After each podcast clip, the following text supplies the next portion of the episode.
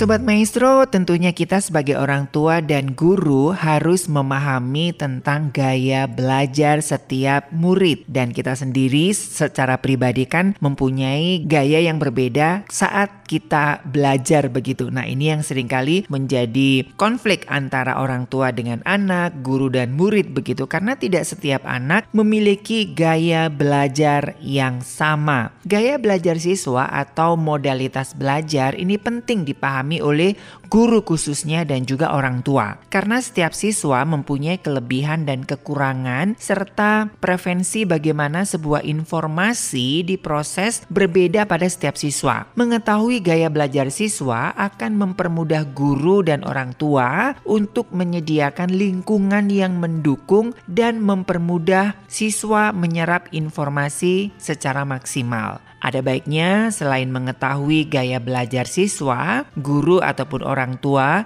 juga harus tahu gaya belajar dirinya sendiri agar tidak salah paham menanggapi cara belajar siswa ataupun anak-anak kita. Ide dasar untuk menemukan gaya belajar untuk membantu mempermudah siswa ketika belajar. Setiap siswa mempunyai cara yang paling mudah untuk belajar dan menyerap informasi. Tugas guru adalah memaksimalkan gaya belajar siswa yang paling menonjol dan memperkenalkan gaya belajar lainnya sehingga para siswa bisa belajar secara maksimal. Sobat Maestro, untuk menentukan strategi pembelajaran yang paling tepat, seperti saya sampaikan bahwa guru harus mengetahui benar bagaimana gaya belajar murid-muridnya. Dari beberapa pakar pendidikan ya, ini saya ambil dari Howard Gardner dan juga dari The Porter juga Hernaki, ini ada 3 sampai 7 gaya ya yang biasanya dipakai siswa ataupun anak-anak kita dalam belajar. Saya sudah mengumpulkan dari beberapa sumber informasi. Semoga ini bisa memberikan inspirasi bagi guru khususnya ataupun bagi orang tua yang sering kali itu jadi masalah begitu ya ketika menghadapi anaknya. Cara belajar anaknya begitu. Ada yang sambil dengerin musik, ada yang sambil lari-lari, ada yang sambil tiduran gitu kan. Nah, seperti tadi saya katakan bahwa setiap anak mempunyai gaya belajar yang berbeda ya. Bagaimana anak ini menyerap informasi secara maksimal. Kita harus paham itu. Kalau nggak paham, ya informasi yang akan kita sampaikan akan kesulitan anak di dalam menyerapnya. Apakah kecerdasan itu tidak dapat ditingkatkan? Apakah kita cuma pakai 10% dari kemampuan otak kita? Ada banyak sekali mitos seputar otak yang akhirnya melahirkan mitos-mitos seputar belajar. Beberapa mitos ini muncul karena kesimpulan yang salah dari sebuah penelitian. Tapi kita tahu sendiri ya, ilmu pengetahuan dan teknologi itu berkembang dengan begitu pesat. Jadi sekarang ini kita bisa merancang penelitian yang lebih akurat. Karena kita udah bisa nge-scan otak, ngukur sinyal-sinyal listrik di otak untuk tahu bagian mana sih yang aktif ketika kita mikirin atau ngelakuin sesuatu. Nah, kita bakal memperbarui pengetahuan kita semua. Saya sendiri juga belajar banyak hal baru. Ada hal-hal yang tadinya saya pikir, oh ini tuh udah akurat. Ternyata udah dibuktiin kalau itu kurang tepat. Saya jadinya harus mengubah pemahaman yang lama jadi pemahaman yang baru. Bersama saya Roshan Fikri, CEO dan co-founder Pahamify sebagai host, kita akan mulai membasmi mitos-mitos seputar belajar.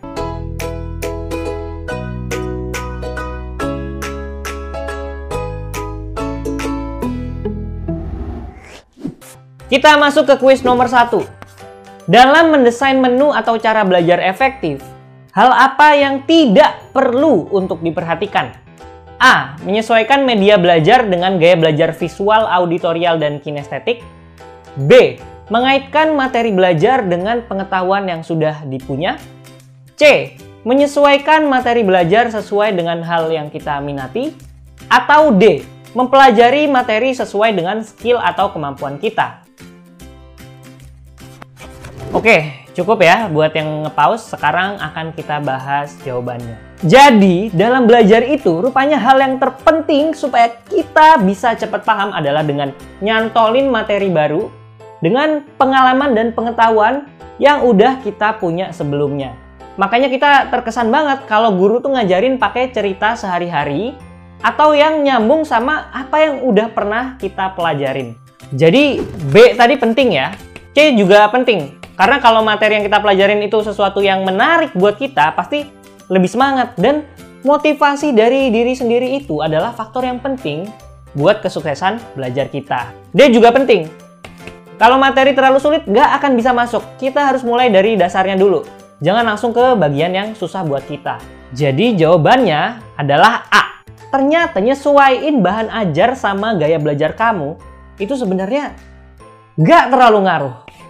Kamu mungkin pernah ikutan tes FARP untuk tahu kecenderungan belajar kamu. Apakah lebih suka visual, pakai gambar-gambar, auditorial yang lebih ke suara, read or write atau baca tulis, atau kinestetik yang pakai gerakan-gerakan. Nah, rupanya meskipun kamu auditorial nih, bukan berarti kalau belajar pakai gambar-gambar itu bikin kamu jadi kurang paham. Itu cuman kamu sukanya pakai yang mana. Tapi bukan berarti kamu bakal paling pahamnya kalau pakai yang mana. Ke depannya kita akan bahas lebih detail. Yang jelas jangan pernah ngasih label bahwa kamu cuman mau belajar pakai satu mode belajar aja. Kita justru makin ingat dan paham kalau kita pakai semuanya. Jadi jangan membatasi diri kamu. Dan balik lagi, yang lebih penting untuk diperhatikan supaya belajar kamu efektif, justru isinya. Harus ngikutin poin BCD tadi. Masuk ke kuis nomor 2. Kamu akan mengikuti ujian. Apa cara terbaik untuk mempelajari kembali materi ujian? A. Menandai poin-poin penting di buku cetak. B. Mendengarkan rekaman suara atau video pembelajaran. Atau C. Latihan soal, kuis, atau simulasi tes. Oke, kita bahas ya. Kamu mungkin sering nandain di buku pakai highlighter ya, atau di garis bawahin. Dilingker-lingkerin di fotokopian. Kamu juga mungkin suka nonton video pembelajaran untuk belajar-belajar soal konsep. Tapi ternyata kalau untuk persiapan ujian, cara terbaik untuk belajar adalah dengan pembelajaran aktif seperti latihan soal, kuis, atau simulasi tes main tebak-tebakan sama teman kamu atau pura-pura try out ujian sendiri itu ngelatih otak kamu buat menata materi supaya gampang ngingetnya nanti. Contoh lain dari pembelajaran aktif adalah mencoba menjelaskan dengan bahasa kamu sendiri tentang sebuah konsep yang sedang kamu pelajari. Ini pernah dibahas juga di video teknik Feynman untuk belajar efektif. Jadi jawabannya adalah C. Kuis ketiga. Dalam mempelajari materi baru, kita akan lebih mudah mengingatnya untuk jangka panjang apabila kita mengulang-ulang proses belajar dengan jarak waktu tertentu dibandingkan jika kita mengulang-ulang berkali-kali dalam satu waktu. Pernyataan ini benar atau salah? A. Benar, B. Salah. Gimana? Udah nentuin jawaban? Sekarang kita akan bahas. Jadi contohnya kalau kita disuruh menghafalkan bunyi hukum Newton pertama, kedua, dan ketiga. Pertama-tama kita akan nyoba mahamin dulu kan si rumusnya ini. Habis itu kita coba nginget supaya apal. Kan ada dua cara tuh. Satu, kamu tebak-tebakan sama teman kamu. Apa hukum Newton pertama, kedua, dan ketiga? Terus kamu jawab. Terus teman kamu ngoreksi dikit-dikit nih. Habis itu baru dua hari kemudian kamu main tebak-tebakan lagi. Habis itu baru tiga hari kemudian kamu main tebak-tebakan lagi. Gitu terus diulang-ulang sampai akhirnya kamu apal dan bener jawabnya. Atau kamu bisa pakai cara kedua. Kalau pas tebak-tebakannya salah, kamu ulang lagi tebak-tebakannya selama berjam-jam sampai apal. Tapi dalam satu waktu doang, setelah itu, setelah kamu apal, nggak diulang lagi tebak-tebakannya besok-besoknya. Nah, kalau yang pertama kan ngapalin sesekali aja tapi dikasih jeda waktu beberapa hari sekali. Sistem nyicil. Kalau yang kedua bener-bener nyoba ngapalin berkali-kali dalam satu waktu aja. Sistem kebut. Kira-kira mana yang lebih bagus? Tentunya ini cukup mudah ditebak ya. Cara pertama itu lebih bagus, sehingga jawaban kuis nomor 3 tadi adalah benar alias A. Cara pertama ini istilahnya space repetition pengulangan berjeda. Intinya adalah kita merefresh pemahaman kita setiap kali otak kita udah hampir lupa. Kalau kamu lihat grafik ini misalnya, kita udah apalin sekali, lama-kelamaan kita bakal lupa. Pertama belajar, dalam tiga hari aja ingatan kamu tuh bakal tinggal 60-an persen. Kurvanya nurun tajam. Tapi kalau pas kamu lagi ingat, sebenarnya nggak guna ngapalin lagi. Apalannya justru harus diperbarui pas kamu udah mulai lupa-lupa dikit. Taruhlah pas ingatan kamu tinggal 80% nih beberapa hari setelahnya. Kamu ulangin lagi. Ini pengulangan pertama. Nah, gitu lagi untuk pengulangan selanjutnya. Dan setiap kali kamu melakukan pengulangan, kurva pelupaan ini akan makin datar, nggak securam yang awal tadi. Sampai lama-lama ingetannya kesimpan di memori jangka panjang. Jadi lebih susah untuk lupa. Jadi ingat, ulang-ulang terus pelajaran kamu, tapi ulanginnya pas kamu udah mulai lupa. Jangan diulang-ulang pas kamu masih ingat. Nah, kali ini kita baru membasmi beberapa mitos seputar gaya belajar atau teknik belajar.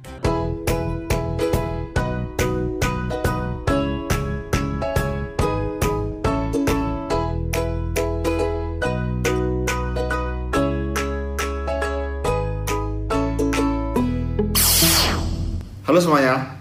Oke, jadi sesuai request beberapa orang untuk tips belajar supaya nggak bosen. Jadi kali ini aku mau kasih tips belajar supaya nggak bosen versi aku. Nah, sebelum kita masuk ke tipsnya, kita harus tahu dulu nih, kenapa sih orang itu bisa bosen? Kenapa sih kita pas lagi belajar itu bisa bosen?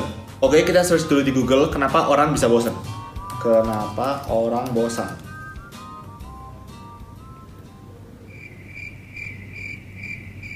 Alaman internetnya. Ya adalah. Jadi kalau menurut aku sendiri, kenapa kita bisa bosan itu karena kita melakukan hal yang sama secara terus menerus dalam jangka waktu yang panjang gitu. Dan mungkin berhari-hari. Jadi misalnya hari ini ini buku belajar 3 jam terus menerus gitu. Terus menerus terus besokannya belajar lagi 3 jam terus menerus di tempat yang sama dari buku yang sama juga. Dan lama-lama bosen lama-lama jenuh gitu ya. Itu menurut aku. Nah jadi setelah tahu alasannya atau mengapa kita bisa bosen kita bisa mikir solusinya terhadap itu dan Kali ini aku mau kasih tipsnya, versi aku. Oke, tips pertama dari aku adalah belajar dengan metode 50-10. Apa itu? Jadi pas aku datang ke Jepang, itu adalah metode yang dipakai di sekolah.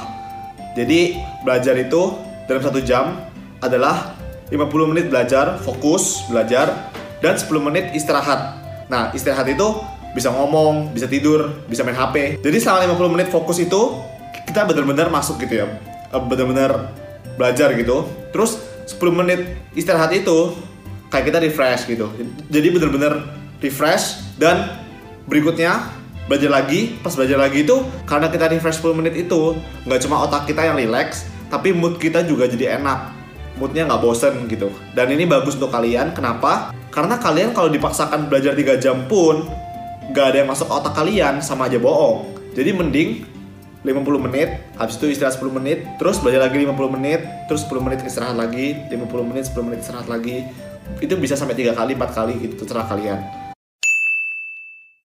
Oke, tips yang kedua adalah kalau sebelum belajar, pastikan buat target belajar. Jadi target belajar itu bukan berupa berapa menit belajarnya, tapi berapa soal yang aku mau kerjakan atau berapa jauh aku mau belajar gitu. Kalau aku misalnya nih ya, nih aku lihat dulu buku-bukunya terus misalnya ini latihan soal ya kayak aku pingin kerjain soal gitu. Terus ini ada 30 soal jadi aku mikir oke okay, 30 soal aku harus kerjain. Jadi targetnya adalah 30 soal. Nah nggak tahu berapa menit belajarnya. Nah kalau targetnya 30 soal itu bisa mengurangi tingkat kemalasan dan juga mengurangi tingkat kebosanan kenapa pas kalian sudah menjadi 10 kalian mikir aduh tinggal 20 lagi nih tinggal 20 lagi jadi kalian uh, apa namanya masih terus semangat gitu ya. Nah kalau misalnya kalian target itu jangka waktu belajar itu menurutku agak susah. Kenapa? Misalnya aku harus belajar 3 jam gitu. Terus kalian sudah belajar satu jam, kalian mikirnya, aduh masih dua jam lagi ya gitu. Kalau misalnya ngerjain soal itu lebih apa ya buat aku masih lebih enak gitu loh. Jadi kayak, waduh tinggal 20 soal lagi nih gitu misalnya. Nah pas kalian buat target, pastikan kalau target itu adalah hal yang bener-bener kalian mau capai dan juga target itu bisa kalian capai. Nah, kalau kalian buat target, terus kalian belajar dan kalian memenuhi target itu, pasti ada perasaan seneng dong, kayak bangga dengan diri sendiri karena kalian bisa mencapai target yang kalian buat untuk diri sendiri gitu kan. Setelah kalian mencapai target itu, rasanya kalian tuh apa ya punya semangat lagi untuk belajar lagi gitu besokannya atau setelah itu juga bisa gitu. Jadi kayak misalnya aku nih buat 30 soal ya, 30 soal, terus udah bisa nih 30 soal dan jamnya masih ada. Jadi aku kayak lebih termotivasi untuk belajar lebih gitu loh. Tips ketiga adalah setelah kalian buat target, kalian bisa kasih reward atau punishment buat diri kalian kalau kalian mencapai atau nggak mencapai target tersebut. Jadi misalnya kalian bisa mencapai target tersebut, kalian misalnya bilang, e, oke okay, aku boleh main game satu jam gitu misalnya. Kalau kalian mencapai, tapi kalau kalian nggak mencapai target tersebut, kalian kasih punishment sendiri, aku nggak boleh main hari ini gitu misalnya ya. Jadi benar-benar target itu menjadi motivasi kalian dan juga membuat kalian bisa menang atau bisa melawan rasa bosan itu. Karena sejatinya semua orang itu mau menang, semua orang itu mau mencapai target yang telah mereka buat. Jadi pasti kalian termotivasi gitu dan kalian nggak akan merasa bosan. Oke, tips keempat adalah jangan belajar dari satu sumber aja. Jadi misalnya sumber itu yang aku maksud itu adalah media gitu ya. Jadi misalnya buku doang nih Nah, kalau aku belajar dari buku doang bosen gini. Apalagi bukunya sama terus. Kalian bisa beli buku baru atau cari buku baru yang lain. Mungkin apa dengan style yang berbeda, jadi kita nggak bosen. Itu pertama. Atau enggak kalian ganti medianya, bukan buku lagi. Tapi misalnya kalian belajar dari HP. Nah, belajar dari HP kayak gimana? Misalnya nih, ada OA Q&A ya. Jadi kayak dia kasih soal-soal gitu.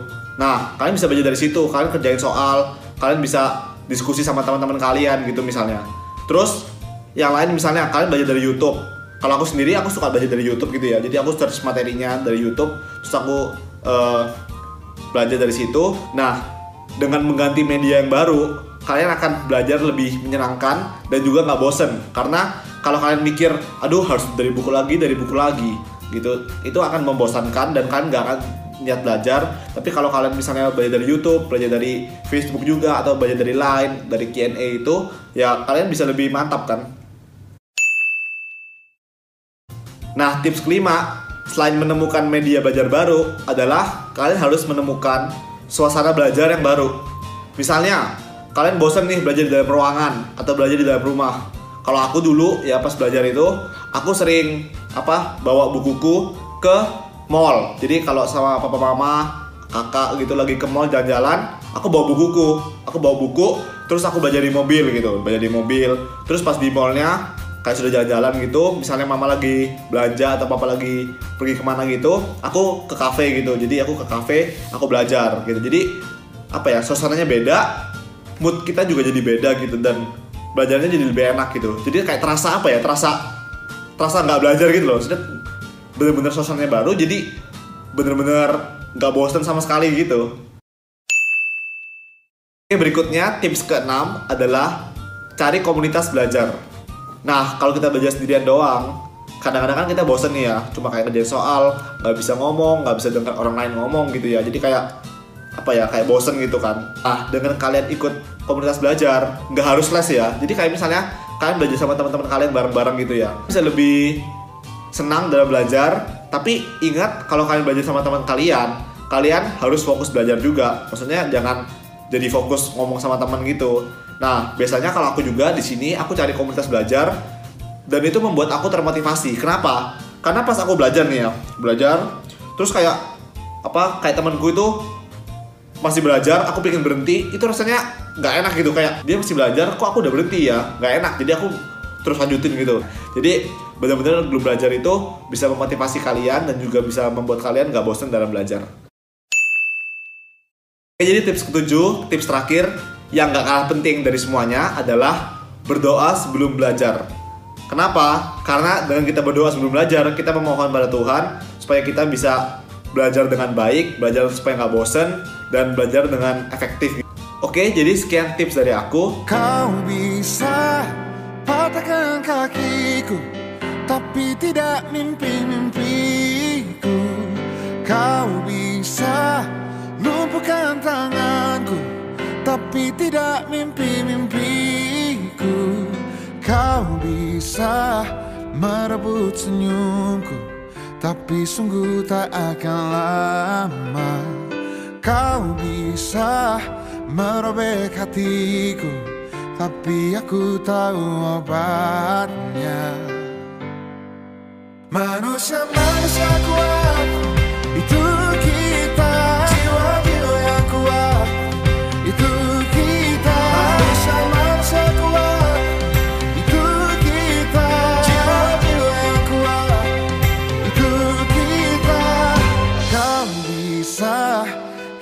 hitamkan putihku. Kau takkan gelapkan apa pun. Kau bisa runtuhkan jalanku. Kan ku temukan jalan yang lain. Manusia-manusia kuat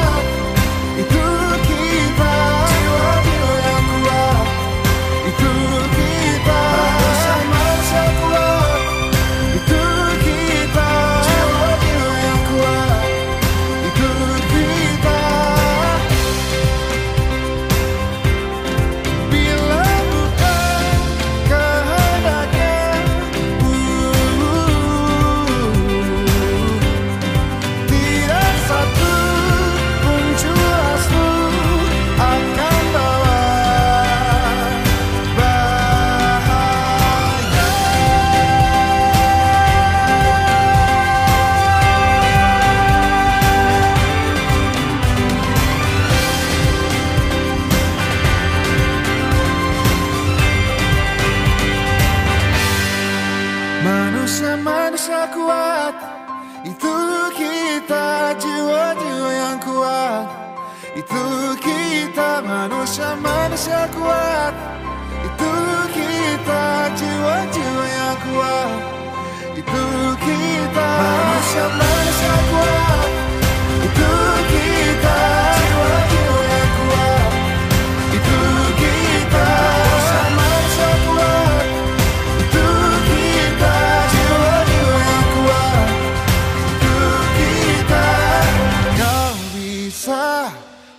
patahkan kakiku Patah tanganku, rebut senyumku Hitamkan putihnya hatiku Tapi tidak mimpi-mimpiku Duh, aku kok nggak paham-paham ya. Susah banget nih. Kalau kamu ngerti nggak Srizuka?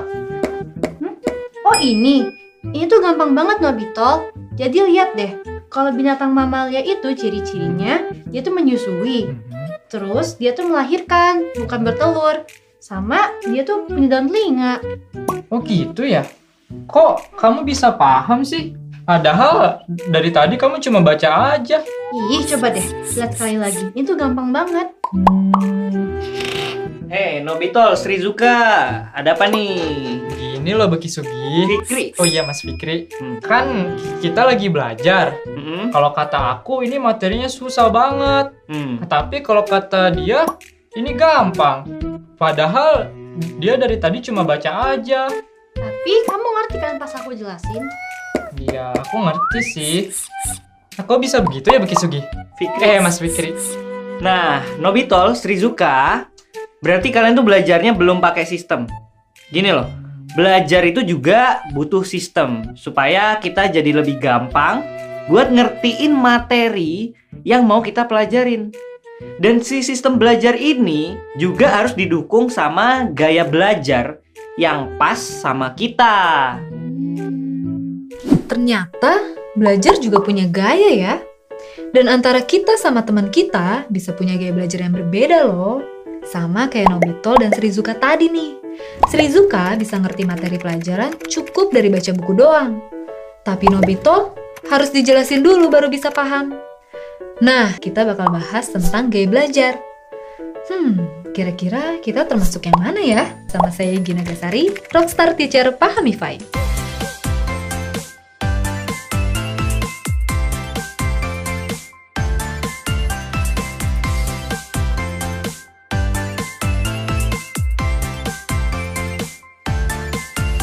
Kenapa sih kita harus tahu kayak apa gaya belajar yang cocok buat kita? Menurut The Learning and Skill Research Center di Inggris, menemukan gaya belajar yang cocok bisa membuat siswa lebih termotivasi untuk belajar. Karena mereka udah tahu apa aja kelebihan dan kelemahan mereka saat belajar. Setelah tahu gaya belajar kita kayak apa, kita juga jadi lebih mudah untuk belajar secara mandiri. Jadi kita tetap bisa belajar secara efektif walaupun kita nggak belajar di kelas dan nggak didampingin sama guru. Salah satu jenis gaya belajar yang udah banyak dikenal orang adalah teori gaya belajar FARC. Gaya belajar FARC ini dikembangin oleh seorang guru asal Selandia Baru, namanya Neil D. Fleming. Dalam teori ini, gaya belajar dibagi jadi empat cara. Ada visual, auditory, reading and writing, dan kinestetik. Selain FARC, sebenarnya masih banyak banget gaya belajar yang lain. Kalau menurut Learning and Skill Research Center, ada 71 teori gaya belajar yang udah dikembangin sama para ahli pendidikan dan masing-masing punya kelebihan dan kekurangannya sendiri-sendiri. FARC itu cuma nentuin kita lebih suka belajar pakai cara yang mana. Dan perlu diingat juga, nggak semua materi bisa diajarkan dengan cara visual aja atau audio aja. Misalnya nih, kalau kita mau belajar tentang organ-organ tubuh manusia, kita tetap harus lihat gambarnya kan supaya tahu di mana posisi paru-paru, di mana posisi lambung, atau di mana posisi jantung manusia. Kalau cuma baca dari buku atau ngedengerin materi dari guru tanpa ngeliat gambarnya, gimana caranya kita tahu di mana posisi organ-organ manusia itu? Contoh dari gaya belajar yang lain adalah Done and Done model yang dikembangkan oleh Rita dan Kenneth Dunn. Kalau Fark membagi cara belajar kita berdasarkan indera kita, dan Enden mengatakan ada lima pengaruh yang harus kita perhatikan supaya belajar itu jadi lebih menyenangkan. Pengaruh pertama adalah lingkungan. Kita harus bisa nentuin lingkungan kayak apa yang cocok untuk kita belajar. Misalnya cahaya. Apakah kita lebih baik belajar di tempat yang terang atau lebih gelap? Terus kalau suara, kita lebih mudah belajar di tempat yang sepi atau rame? Dan suhu, mana yang lebih bikin kita konsentrasi? Pas suhu di tempat belajar itu hangat atau malah di tempat yang dingin? Nah, terus pengaruh kedua adalah emosi. Emosi ini terdiri dari motivasi. Seberapa kuat motivasi kita untuk belajar dan juga rasa tanggung jawab kita saat belajar. Pengaruh ketiga, pengaruh sosiologis. Ini menyangkut kehadiran orang lain saat kita belajar. Apakah kita lebih konsentrasi kalau belajar sendiri, atau dalam kelompok kecil, atau di kelas yang banyak orang? Dan apakah kita harus selalu didampingi guru, atau justru malah bisa belajar lebih baik kalau tanpa pendamping? Lanjut, pengaruh keempat, fisiologis yang meliputi mobilitas. Apakah kita termasuk tipe orang yang bisa duduk lama saat belajar? Atau kita cepat bosan kalau duduk terus? Jadi sesekali harus bangun, jalan-jalan sebentar, baru belajar lagi. Selain mobilitas, yang termasuk dalam stimulan ini adalah waktu belajar. Dan apakah kita termasuk orang yang harus makan sesuatu saat belajar? Jadi kita harus selalu sedia cemilan waktu belajar. Dan terakhir, psikologis. Psikologis ini menunjukkan bagaimana kita memproses informasi dan tanggapan kita saat diberi tugas. Karena menurut Dan Endan, ada siswa yang begitu dikasih tugas bakal langsung ngerjain dan belajar sambil ngerjain tugasnya. Tapi sebaliknya, ada juga siswa yang harus paham dulu materinya, baru dia bisa ngerjain tugasnya. Untuk tahu gaya belajar kita kayak gimana berdasarkan Dan Endan model ini, sebenarnya ada tes khusus buat nentuin kondisi yang cocok untuk belajar. Tapi ada cara lain yang lebih gampang buat tahu gimana sih lingkungan yang cocok untuk kita belajar, yaitu dengan cara membuat jurnal belajar.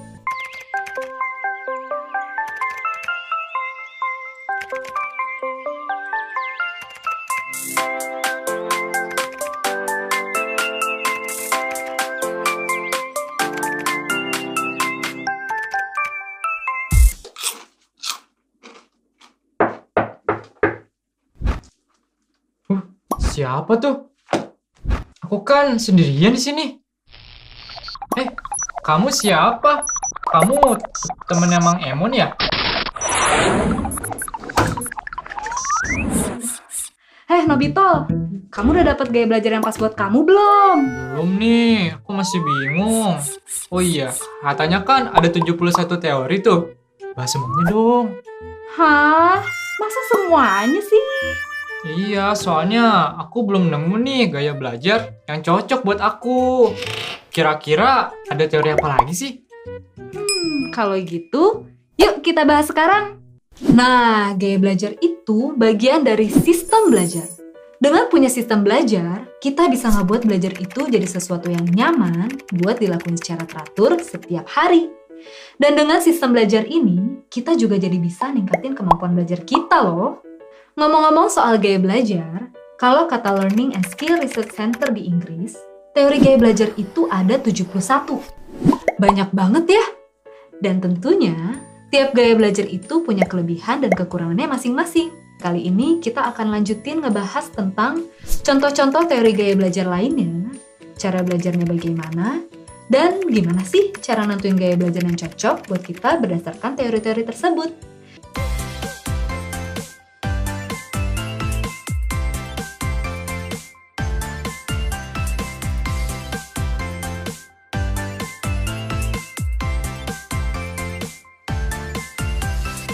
Contoh teori gaya belajar lainnya dicetuskan oleh Peter Honey dan Alan Mumford pada tahun 1982. Honey dan Mumford membagi gaya belajar berdasarkan empat karakteristik. Yang pertama adalah aktivis.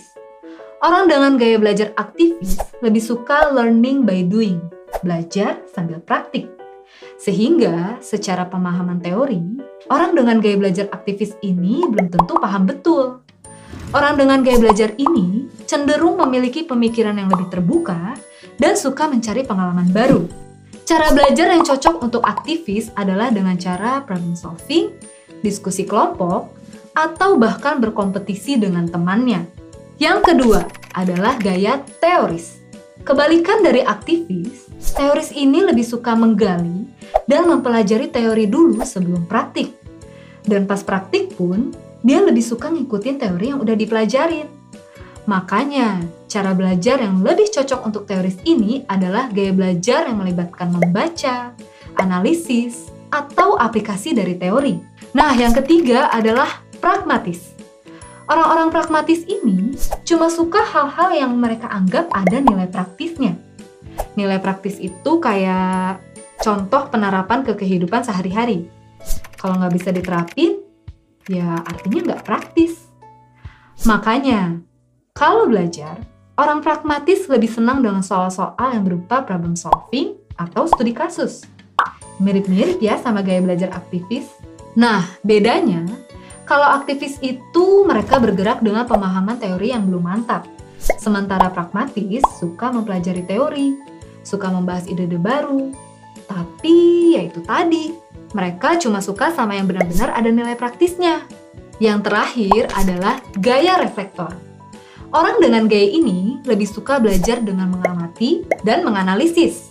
Sebelum mereka mengambil keputusan atau kesimpulan, mereka akan mengumpulkan data, bertanya, dan diskusi supaya mereka bisa dapat banyak sudut pandang.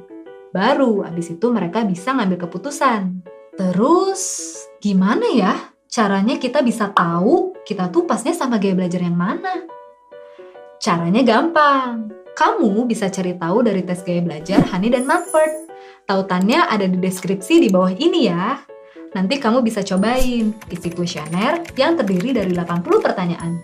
Terus habis itu kamu bisa langsung cek deh gaya belajar kamu masuk ke gaya yang mana. Nah, ada satu lagi nih gaya belajar yang bakal kita bahas. Namanya gaya belajar format.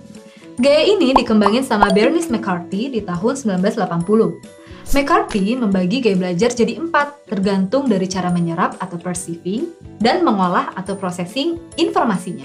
Gaya yang pertama dan kedua berhubungan dengan cara nyerap informasinya, yaitu dengan perasaan atau feeling. Jadi, biar lebih mudah paham, orang dengan gaya ini harus mengalami dulu hal yang sedang mereka pelajari. Misalnya kalau lagi belajar fisika soal perubahan bentuk zat. Biar paham gimana zat cair bisa berubah jadi zat padat, orang dengan gaya belajar ini harus melihat sendiri waktu air berubah jadi es. Nah, cara berikutnya adalah berpikir atau thinking. Orang dengan gaya ini lebih senang belajar dengan cara mencari tahu sendiri. Bisa dengan baca, cari-cari sumber referensi di internet, atau nonton video. Nah, gaya yang ketiga dan keempat berhubungan dengan cara ngolah informasinya yaitu dengan perbuatan atau doing. Begitu dapat teori, langsung dipraktekin. Dan cara keempat adalah pengamatan atau watching. Setelah belajar, orang dengan gaya ini mikirin, tadi mereka udah belajar apa aja ya? Selain itu, mereka juga lebih senang analisis dan observasi daripada langsung praktek di dunia nyata. Keempat gaya belajar ini dua gaya belajar dengan cara menyerap informasi, dan dua gaya belajar dengan cara memproses informasi bisa dikombinasiin jadi empat gaya belajar yang lain. Ketika seseorang memiliki gaya belajar gabungan antara gaya belajar perasaan dan perbuatan, gaya belajarnya disebut tipe imajinatif. Orang dengan gaya ini memulai belajar pakai kata kunci "kenapa". Mereka bertanya soal alasan, soal arti di balik materi yang mereka pelajari. Kayak, kenapa sih belajar trigonometri itu penting? Kenapa sih kita harus belajar sejarah kerajaan Hindu-Buddha di Indonesia? Nah, gaya kedua adalah tipe analitis. Merupakan gabungan dari gaya belajar berpikir dan pengamatan. Orang dengan gaya ini belajar melalui informasi dan bukti, terutama dari orang-orang yang udah ahli atau dari data-data yang udah valid. Mereka memulai belajar dengan kata kunci apa? Kayak apa pendapat ahli biologi soal teori Darwin? Apa buktinya kalau bumi itu bulat?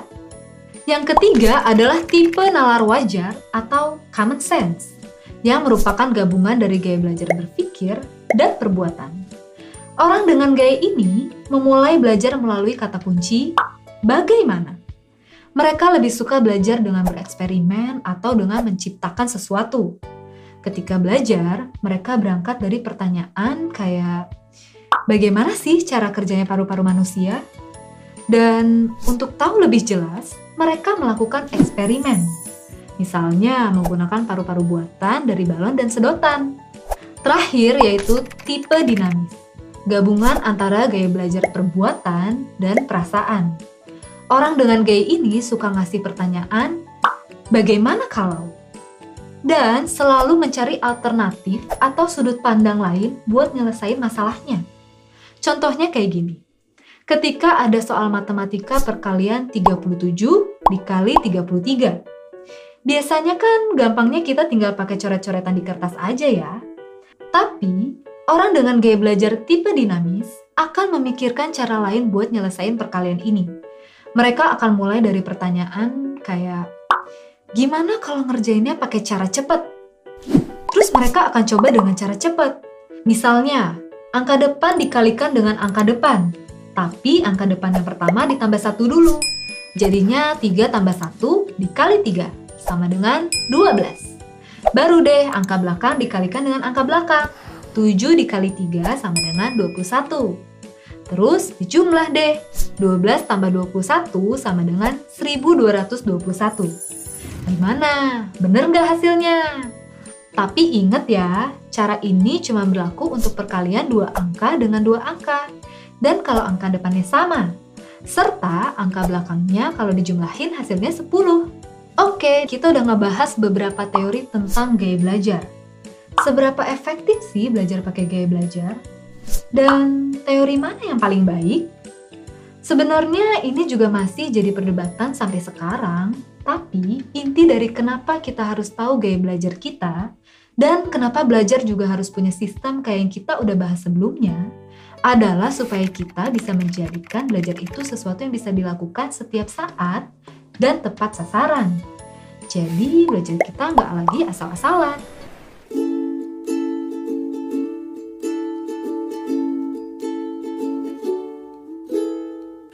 Ku rasa ku sedang jatuh cinta.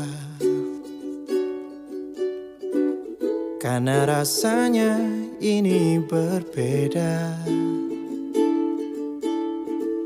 Oh apakah ini memang cinta? Selalu berbeda saat menatapnya. Uh, Hilang berani dekat denganmu Ingin ku memilikimu Tapi aku tak tahu. Bagaimana caranya? Tolong katakan pada dirinya Lagu ini ku tuliskan untuknya selalu ku sebut dalam doa.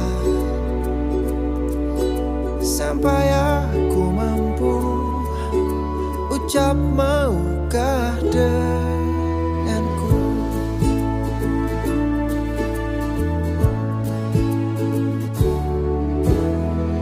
Ku rasa ku sedang jatuh cinta.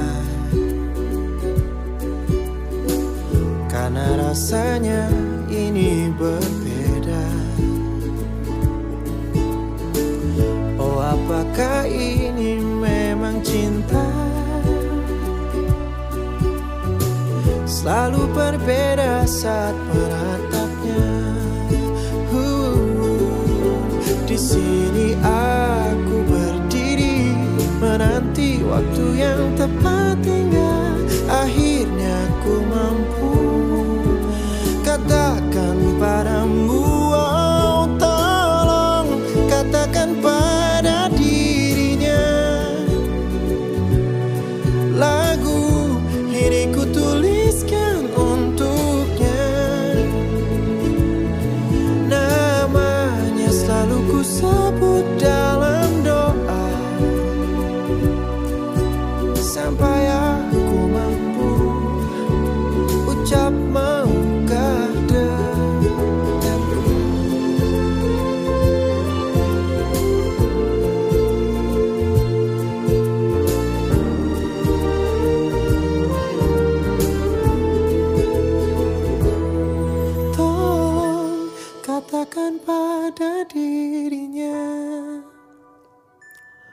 Lagu ini ku tuliskan untuknya.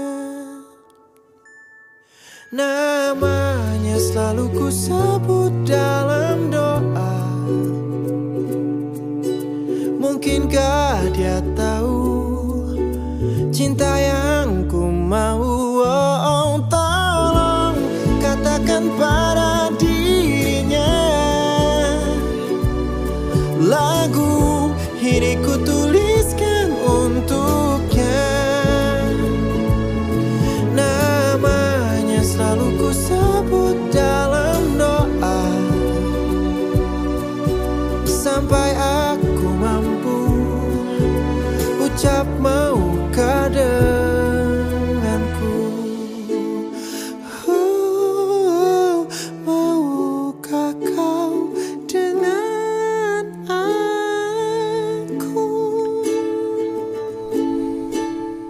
Sobat Maestro, gaya belajar merupakan cara tercepat dan terbaik yang dimiliki individu dalam menerima, menyerap, mengatur, dan mengolah informasi yang diterimanya. Menurut The Porter dan Hernaki ataupun juga Howard Gardner ya, ada 3 sampai 7 gaya belajar anak begitu yang sudah kita dengarkan bersama. Nah, sobat maestro, gaya belajar ini mempunyai peran penting dalam pendidikan, terutama dalam proses kegiatan belajar mengajar. Barbara Pricing mengungkapkan bahwa gaya belajar siswa yang sesuai dengan cara mereka melakukan kegiatan belajar akan memberikan dampak positif seperti dapat meningkatkan prestasi belajar mereka dan anak ini jadi kecanduan untuk belajar gitu. Bukan kecanduan main game ya. Mungkin anak-anak bosen ya main game karena mungkin cara belajarnya, gaya belajarnya beda dengan yang kita harapkan begitu. Nah, Barbara Pressing juga mengatakan bahwa peran guru dalam proses belajar siswa ini sangat mempengaruhi kesuksesan siswa. Nah, jadi it- seperti itu tadi ya Sobat Maestro. Semoga informasi yang kami sampaikan bisa memberikan inspirasi dan pemahaman bagi guru dan juga bagi ya kalau guru pasti udah tahu lah ya pasti ada apa namanya pedagogisnya ya bagaimana cara mengajar siswa. Ini hanya untuk mengingatkan kembali begitu.